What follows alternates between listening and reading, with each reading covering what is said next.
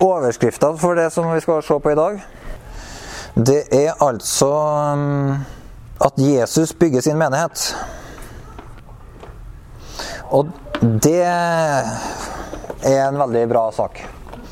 Og det finner vi tydeligst uttrykt i Matteus 16.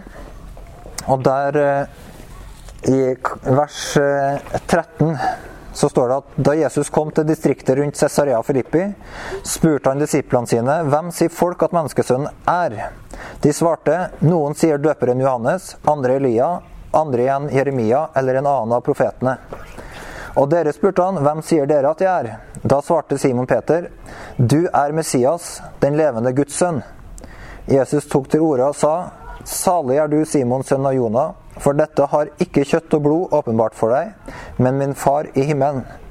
Og jeg sier deg, du er Peter, og på denne klippen vil jeg bygge min kirke, og dødsrikets porter skal ikke få makt over den. Jeg vil gi deg himmelrikets nøkler. Det du binder på jorden, skal være bundet i himmelen, og det du løser på jorden, skal være løst i himmelen. Så, så når Jesus da mm, gjenkjenner da at eh, Peter har fått en åpenbaring fra Gud om hvem han sjøl er, så er responsen til Jesus at på denne åpenbaringa av Kristus, så vil han bygge sin menighet. Og det er Det betyr at at eh, menigheten det er Jesus sitt eh, byggeprosjekt. Det er ikke vårt, først og fremst. Det er han som holder på. Eh, og det har jeg lyst til å se litt inn i fordi og det, det kunne jeg jo sagt utrolig mange ting om, men det som jeg tror er litt viktig for oss å legge merke til, det er at det er det er ikke sånn at Jesus på en måte ga noen tegninger, og så overlot jobben til oss. Eh, når han snakker om eh, 'jeg vil bygge min menighet'. For du kan liksom være byggherre med, ganske stor avstand til byggeprosjektet. Men sånn er ikke det her Jesus-greien. Han, han, sier at han vil bygge, aktivt bygge sin menighet. Og når du da ser gjennom Skriften hvordan den første menigheten blir bygd, så oppdager du hva denne aktive bygginga til Jesus handler om. Han er til stede da, i alt som skjer.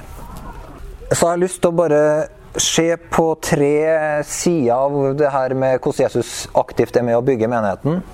Eh, du skal få overskriftene på det først. og Det, er, det ene er at han er aktivt til stede som høstens herre.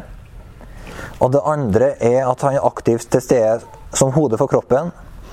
Og det tredje er at han er aktiv som en øverste prest, eller han er aktiv i det himmelske på våre vegne. Fordi at menigheten er ikke bare en synlig sak på jorda, men vi er en del av en usynlig virkelighet i kraft av at vi er født på ny og i Kristus, i ånden, satt i det himmelske. Eh, så er det en side av menigheten sin funksjon som handler om at vi har en rolle i det usynlige, der Jesus òg aktivt arbeider, og som vi trenger å se litt inn i, da. Så det er litt frameworken. Så jeg skal prøve å gå litt eh, raskt gjennom det her. Eh, I hvert fall eh, eh sånn at vi kommer noenlunde i mål til høvelig tid. Eh, det første da, handler om oppdraget. Og det er klart at eh, det, det, mest sentrale verset vi har i forhold til oppdrag, er jo ofte at vi vender til Markus 28 og ser på misjonsbefalinga. Matteus, ja. Riktig. Og det er klart, her er etter, eh, her er etter oppstandelsen. Og det er sånn eh, god påminnelse for oss alltid, det er å huske på at vi lever etter oppstandelsen. Fordi det er påfallende fort gjort for gode kristne å glemme av at Jesus har stått opp. Ikke på en sånn måte at vi glemmer at han sto opp de, sånn, på en sånn måte at vi har fått evig liv i han, men at vi glemmer at han faktisk er, er levende aktiv til stede i dag. Sånn at vi liksom kjører mer eh, minneseremonier enn oppstandelsesfester. Eh, og det tenker jeg at eh, når Jesus gir misjonsbefalinger, så er oppstandelsen veldig nyttig å huske på. Så da står det at Jesus trår fram og taler til dem og sier, 'Jeg har fått all makt i himmelen og på jorda.' Eh, gå derfor og gjør alle folkeslag til disipler, døp dem til Faderens og Sønnen og Den hellige ånds navn, og lær dem å holde alt det jeg har befalt dere. Og se, jeg er med dere alle dager inntil verdens tidsalderens ende. Så det betyr at eh, Jesus sier at det her oppdraget som vi har fått, det har hele tida en sånn tosidighet i seg. Det er noen ting vi skal gjøre, og så er det noen ting han gjør. Eh, det, så vi har fått et oppdrag. Det betyr at vi er involvert i noen ting.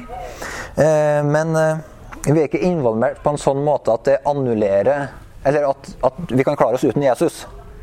For han sier han er med alle dager helt til denne fasen i Guds plan. Fram mot Jesu gjenkomst, oppstandelsen, alt det her finner sted. Det er ikke sånn at han forsvinner den dagen, men han bare minner oss på Vi trenger å huske på det ekstra nå, da, i denne tida, at han er med alle dager. Eh, men, men, jeg tenker, når jeg leser misjonsbefalinga, så, så, er det en sånn veldig tydelig tosidig sak her. da, Av at vi har et oppdrag, og Jesus går med. Og, altså han F.eks. når han, han eh, da uh, understreker at all makt er min, så forteller han det fordi at du skal gå ut i oppdraget i hans kraft, med hans autoritet. Sånn at det er ikke et sånt oppdrag som er overgitt der vi er overgitt til oss sjøl, men det er hele tida denne medvandringa fra Jesus. Så Paulus han sier det sånn her denne tosidigheten i 1. Korinterbrev 15. Så sier han i vers 10. Ved Guds nåde er jeg det jeg er, og Hans nåde mot meg har ikke vært forgjeves. For jeg har arbeidet mer enn noen av dem. Det vil si ikke jeg, men Guds nåde som er med meg. Så her prøver han å sette ord på noen ting, så det er akkurat som om han, eh, han beskriver hvordan han tjener Gud. Og så sier han jeg har arbeida mer enn noen andre. Og så sier han ja, men det vil si det er jo egentlig Guds nåde som har altså, vil si, det, vil, det, vil, si ikke jeg, men Guds nåde som er med meg. Så han har her Han har arbeida hardt, men han vet at det er ingenting av det han har gjort, kunne han ha gjort uten at Guds nåde virka. Og at Guds kraft var der, at uh, Gud Det var Gud som gjorde, gjorde noe. Uh, og den der opplevelsen der å leve hele tida i erfaringa av at nei, Gud gjør noen ting. Her er det noen ferdiglagte gjerninger, her er det noen nåde fra Gud. Den erfaringa tror jeg vi hele tida eh, kan leve i. En sånn kontinuerlig erfaring av at ja, Den hellige ånd er her. Han gjør ting. Og, det, og på en sånn måte at vi kan si vi arbeider hardt. Vi tjener Gud, men samtidig, i alt som skjer, så er det Gud som virker. Og det er Gud som, Guds nåde som slår gjennom. Og det er det som er Når du så skal oppsummere til slutt, så må du bare si nei, det var bare Gud som har gjort alt. Men du har arbeidet hardt. Men det var, det var Gud som har gjort det. så, og den dobbeltheten ligger både i, i misjonsbefalinga og i alt det vi står i. Og det finner vi da i hele, i hele forståelsen forståelsen av, av, av å vinne mennesker for Jesus så ligger denne uh, opplevelsen av at det er Jesus som er høstens herre. Han er det som uh, hjelper oss til å løfte blikket og se uh, hvor høsten er moden hen. Han er det som forbereder menneskehjerter på å ta imot evangeliet. Du, vet, du leser en historie om at disiplene blir sendt ut til en del byer. Så sier Jesus dere skal gå inn i arbeid som andre før har gjort. Altså Dere skal gå inn i et arbeid som allerede er gjort. Så han har full oversikt over høsten. Og så kaller han oss til å gå inn i, i ferdiglagte gjerninger som både han suverent har lagt til rette, og gjerninger som, der søsken har gått foran oss og gjort ting. Typisk. Du sitter i en samtale og deler evangeliet, og så kommer det opp at denne personen du deler evangeliet med, forteller at ok, Eh, farmora mi har alltid sagt til meg at hun ber til Jesus for meg. Hele oppveksten. Så tenker du ja, ok, jeg er, jeg er ikke førstemann på plassen, men det er noe ferdiglagt her. Eh, eller eh, Eller her om kvelden så satt du og ba for noen i, i klassen til en av eh, barna, og så, og så sier de at ja I den eh, familien så er det ingen som er kristen, men de har en fadder som holder på å sende dem barnebibler. Og den leser de i hver kveld. Hver kveld. Tenkte, ja, så Vi har jo begynt å be for den gjengen, der, men vi er ikke de første som ber. Her er det noen som arbeider. Så jeg tenker, den erfaringa av at Jesus er høstens herre, han, er, han har noen sånne ferdiglagte gjerninger. Det er ikke Oppdraget vil ikke på oss, da, men vi er kalt til å komme inn i hans eh, opplegg. Han bygger sin menighet. Det, det, til og med en sånn ting, det er Den hellige ånd som overbeviser verden om synd, rettferdighet og dom. Så når vi deler evangeliet, så er det ikke opp til oss å overbevise mennesker om at de er syndere, men det er Den hellige ånd som gjør. Så vi er kalt til å forkynne gode nyheter om frelse, og så er Den hellige ånd der og overbeviser. Eh, og gjør et verk som ikke vi kan gjøre.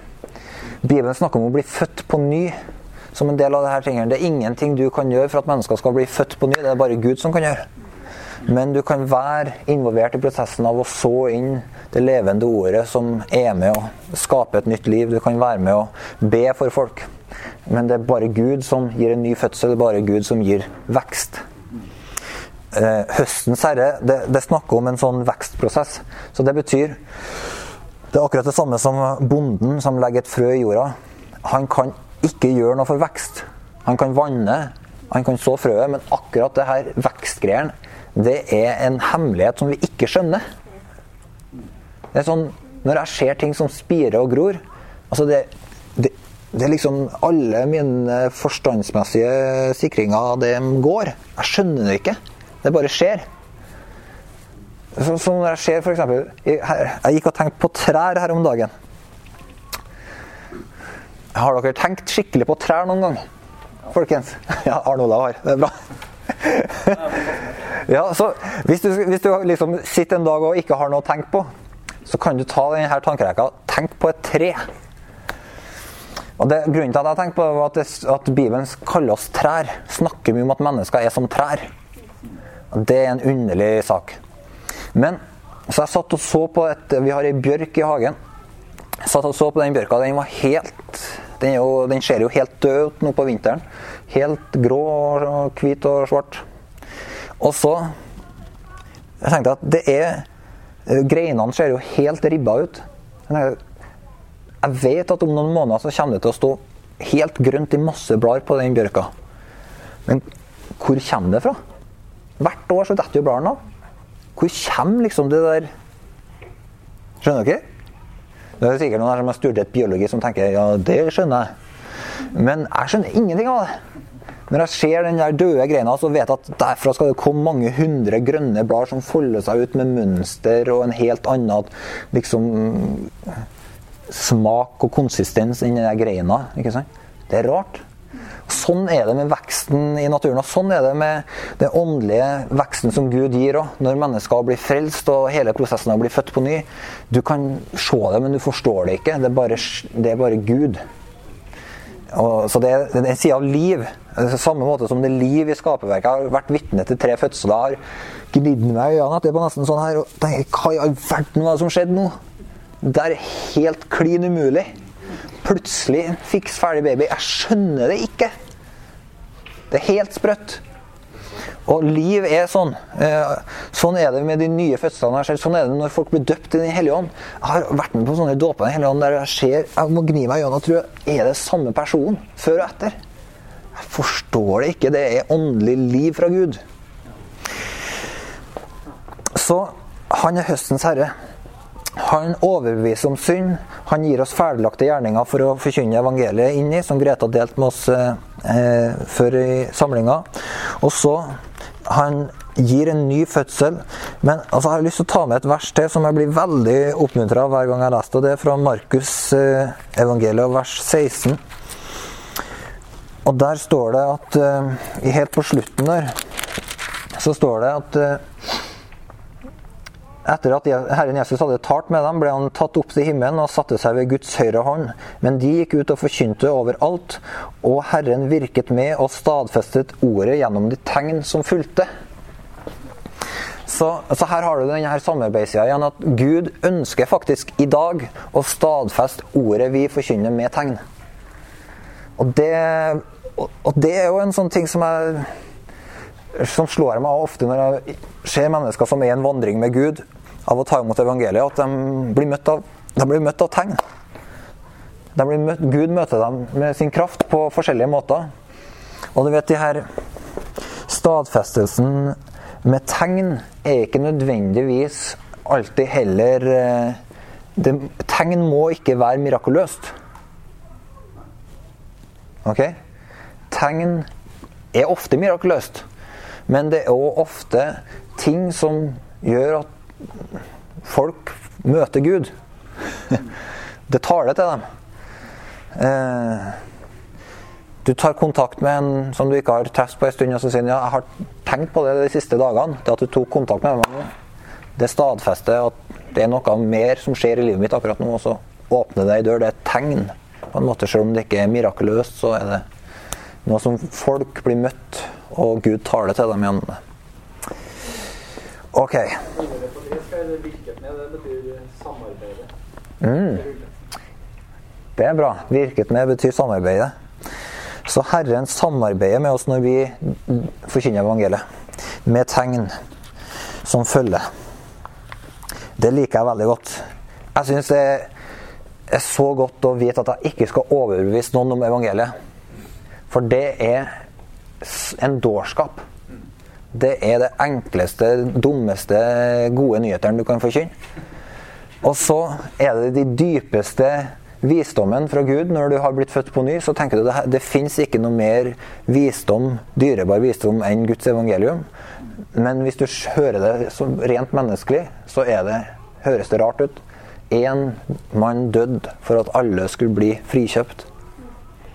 En mann overvant døden men Gud har tatt det her evangeliet og så stadfester det og overbeviser. Ok, så høstens herre han bygger menigheten sin. Vi er med i opplegget hans.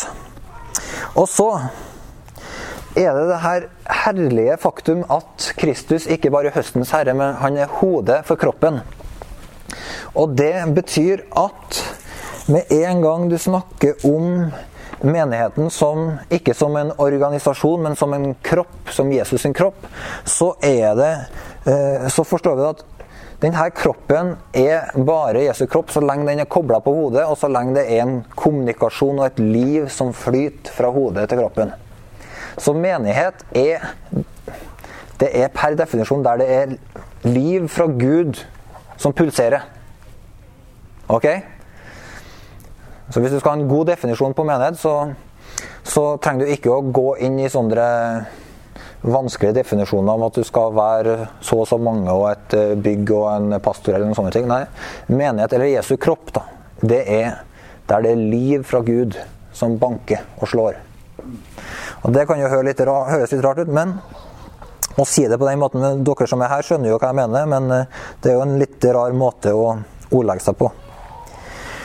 Men Eh, I det så ligger det da at eh, at eh, du vet Når Bibelen snakker om Jesus og kroppen, så snakkes det om en sånn intim relasjon mellom Jesus og kroppen. Jesus han tar vare på kroppen sin. Han, han renser den.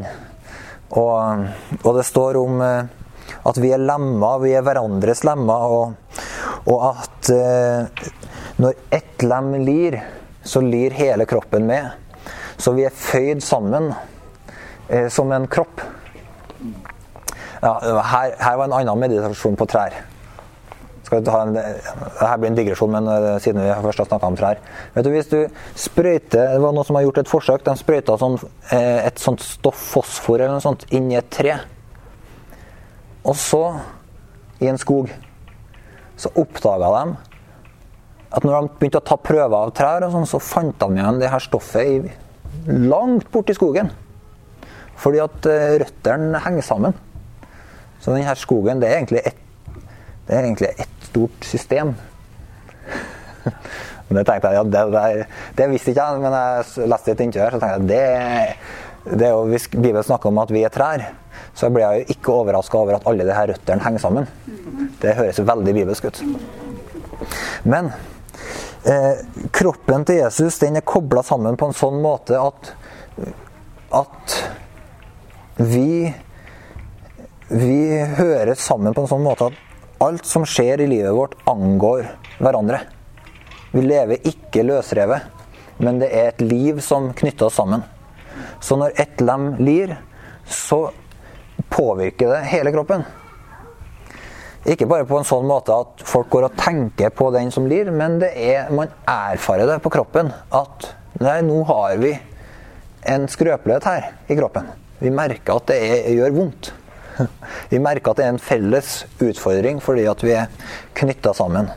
Det er en felles sorg. Når noen, vi gråter med dem som er glad, så er det en felles glede. Vi, vi synger med dem som er glad. Vi gråter med dem som er triste. Ja. Sånn var det. Syng med dem som er glad. Det syns jeg er bra. Hvis noen er glad, så skal han synge. Det liker jeg. Det står i Bibelen. Eh, men det betyr òg at når vi snakker om at Jesus bygger sin menighet, så betyr det at Jesus er den som legger mennesker til menigheten. Han er, som, han er den som føyer mennesker på kroppen. Og det, og det betyr òg at idet du blir frelst, så blir vi kobla på hodet til en kropp. Så det fins ikke kroppsløse kristne. Eller det fins ikke eh, Altså, menighetsløs kristendom er ikke Det fins ikke. Altså, én ting er at det kan finnes kristne som har gått seg fast i ting som gjør at de ikke er kobla på Jesu kropp. Men i realiteten så fins ikke menighetsløs kristendom. Altså Det er en åndelig realitet. Alle som er født på ny, er kobla på Jesu kropp. Samme om de vil det eller ikke. og den, den koblinga er sånn at når man er i kroppen, så flyter liv, legedom og mye godt fra Jesus. Så det å oppdage det at Jesus er hodet for en kropp, gjør at vi begynner å forholde oss til Jesus i kroppen. Og det betyr òg at vi forventer at han som lever, han som har stått opp, han møter oss, han taler til oss, han justerer oss. Han, alt Jesus gjør inni livet vårt, kan vi òg forvente at han gjør inni livet vårt gjennom søsken. Det er en av de mest grunnleggende erfaringer av at Jesus har stått opp igjen, er erfaringa av å leve sammen med søsken som Kristi kropp.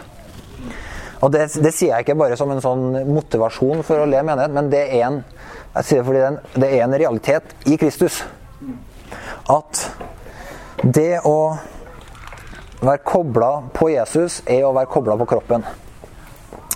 Eh, og det betyr at eh, Av og til møter jeg kristne, og så hører jeg dem snakke.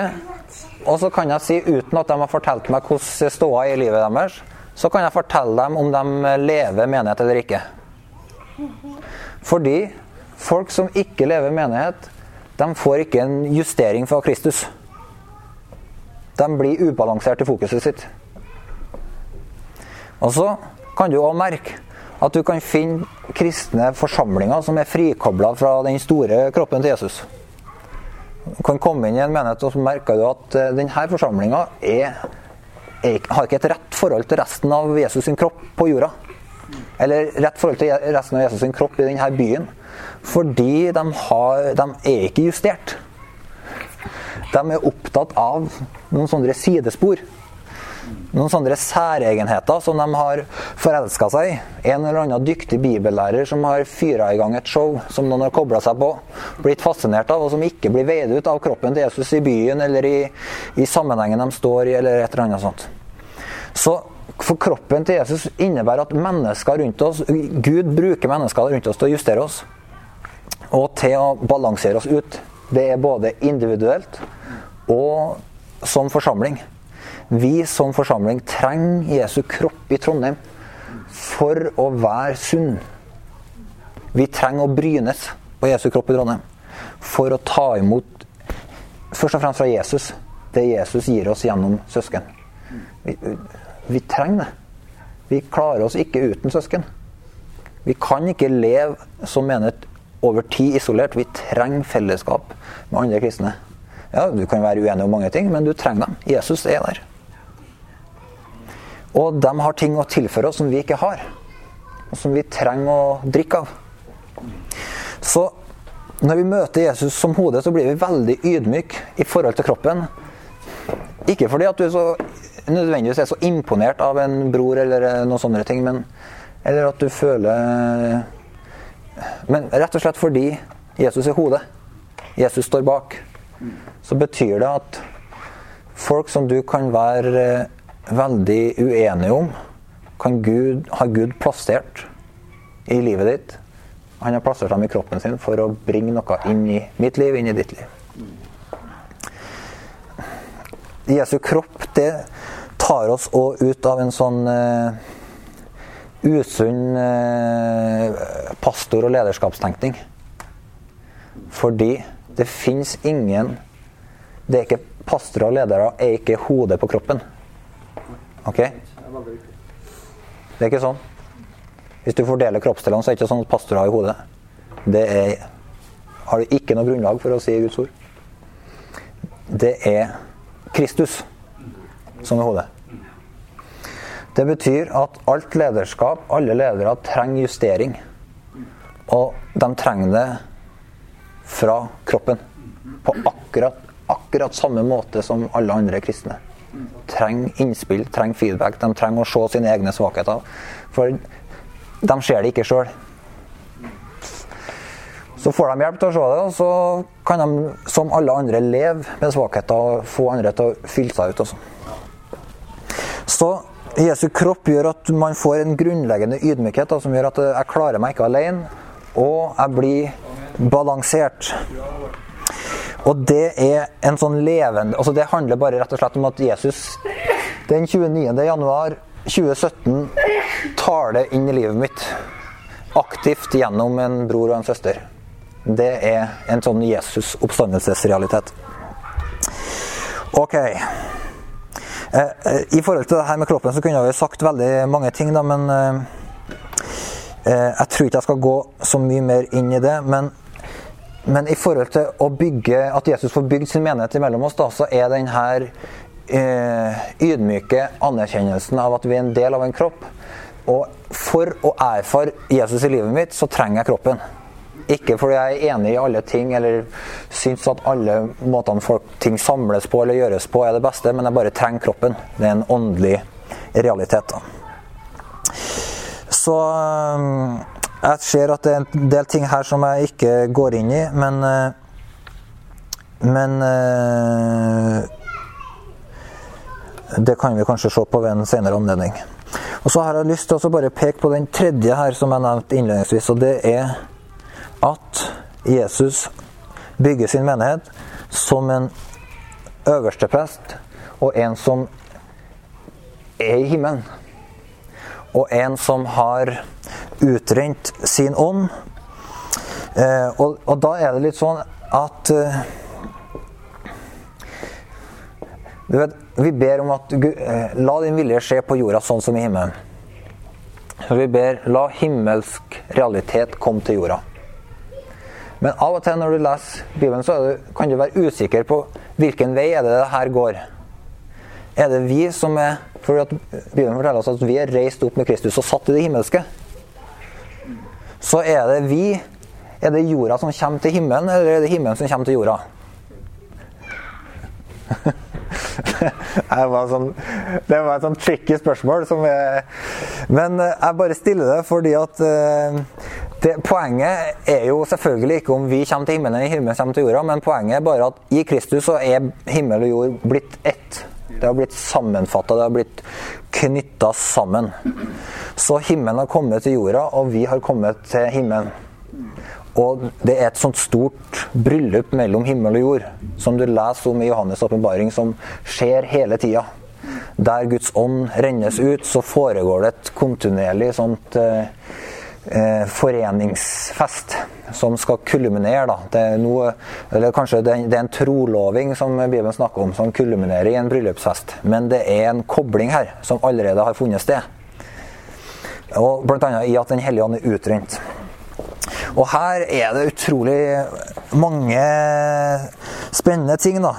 Men, men det betyr da at at eh, Jesus han styrer jo jorda fra himmelen, og han har rent ut sin hellige ånd i oss. Så når Jesus ber for oss innenfor Guds ansikt, så er det òg eh, hos oss et bønneliv i ånden som gjør at vi tar del i Jesus sin eh, forbønnstjeneste. Så når du ber, og når du ber i Den hellige ånd, og tilber Jesus, så er det ikke sånn at du, begynner, du, bare ber dine egne bønner, men du tar del i et bønnearbeid som Jesus sjøl aktivt leder an i, leder an i himmelen. Så når vi ber på jorda, så tar vi del i et sånt himmelsk bønnemøte sammen med alle de hellige.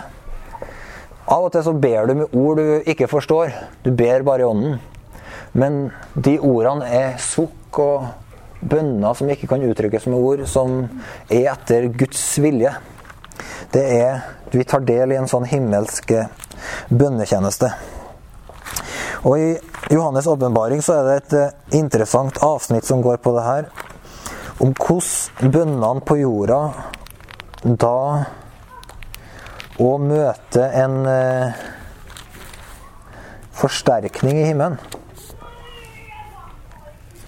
I Johannes' åpenbaring kapittel 8 så står det i vers 3 En annen engel som hadde et røkelseskar av gull, kom og stilte seg ved alteret. Det, her, det som vi får beskrevet nå, det er en beskrivelse av ting som skjer i det himmelske. Det her, det her er bilder på usynlige realiteter. Ok? Sånn at når du leser Johannes' åpenbaringa, ikke, ikke prøv å plassere det her inne i historiske begivenheter, men les første kapittel og forstå det at hele greia her handler om at Jesus tar teppet til side og viser oss åndelige realiteter. Ok? Jeg har holdt på å lese Johannes' åpenbaring nå, jeg skjønner bare sånn 10% ca. Men det som jeg føler Gud viser meg, det tar jeg vare på. Men her står det han fikk en stor mengde denne engelen da, han hadde et røkelseskar av gull og kom og stilte seg ved alteret. Alteret er jo et sånt eh, møtested mellom Gud og mennesker. Der forsoninga har skjedd, og der Gud møter mennesker. Og så, Han fikk en stor mengde røkelse som han skulle legge sammen med de, med de helliges bønner på gullalteret foran tronen. Og fra engelens hånd steg det opp for Guds ansikt en sky av røkelse sammen med de helliges bønner. Så det betyr bønnene som vi ber, der kommer det, ifølge denne åpenbaringa, så blir de forsterka i det himmelske. Og på en sånn måte at de, de, de her bønnene stiger opp som en velduft fra Gud. Denne røkelsesdufta som er beskrevet i, i, forbindelse med møteteltet i, i, under Moseloven, det var en sånn påminning. Det var noen ting som skulle få Gud til å huske på noe. Så det her bønnene våre stiger som en røkelse, en velduft. Det, det, det, det, er akkurat som om englene er med å forsterke det på en sånn måte at, at Gud ikke bare hører bønnene våre, men at det, det er akkurat som de setter volum på det. Og så tok står det i vers 5 eh, eh, her at så tok engelen røkelseskaret og fylte med ild fra alteret og kasta ilden på jorda. Og det kom tordenbrak og drønn, lyn og jordskjelv. jordskjelv. Så det betyr at når bønnene våre stiger opp i himmelen, så blir de forsterka, de bringes innenfor Gud. Men det er ikke bare sånn at det skjer noe i det himmelske, men bønnene våre forløser en respons i himmelen som gjør at det skjer noe på jorda. Så midt imellom det her at det er noen ting som trengs å gjøres på jorda, som trenger en himmel på jord, så står vi med bønn, og så får vi en himmelsk respons der vi faktisk ser at ting skjer på jorda. Så når vi ber, så er det alltid med en forventning om at ting skal skje. Bønn er ikke å slå i hjel ti i Guds nærvær. på en måte. Det er det handler om å, å være med å se. Altså, når, når, vi ber, så har vi en forventning om at den oppståtte Jesus skal bare få ting til å skje. Få litt brak. Ryst ting litt. Få på lyset. Så det er et sånt samspill da, imellom himmel og jord. Fordi Jesus har stått opp igjen, så har han brakt himmel og jord sammen. Og vi har kommet da til det her himmelske Jerusalem og, og til tusener av myriader av engler og tar del i det som skjer i himmelen når vi er sammen.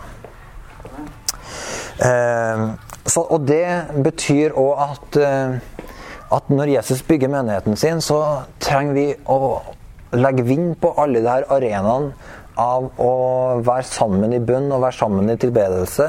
Fordi at eh, det er et sted for oss til å hva skal jeg si, Én ting er å være involvert i Jesus sin tjeneste i det usynlige.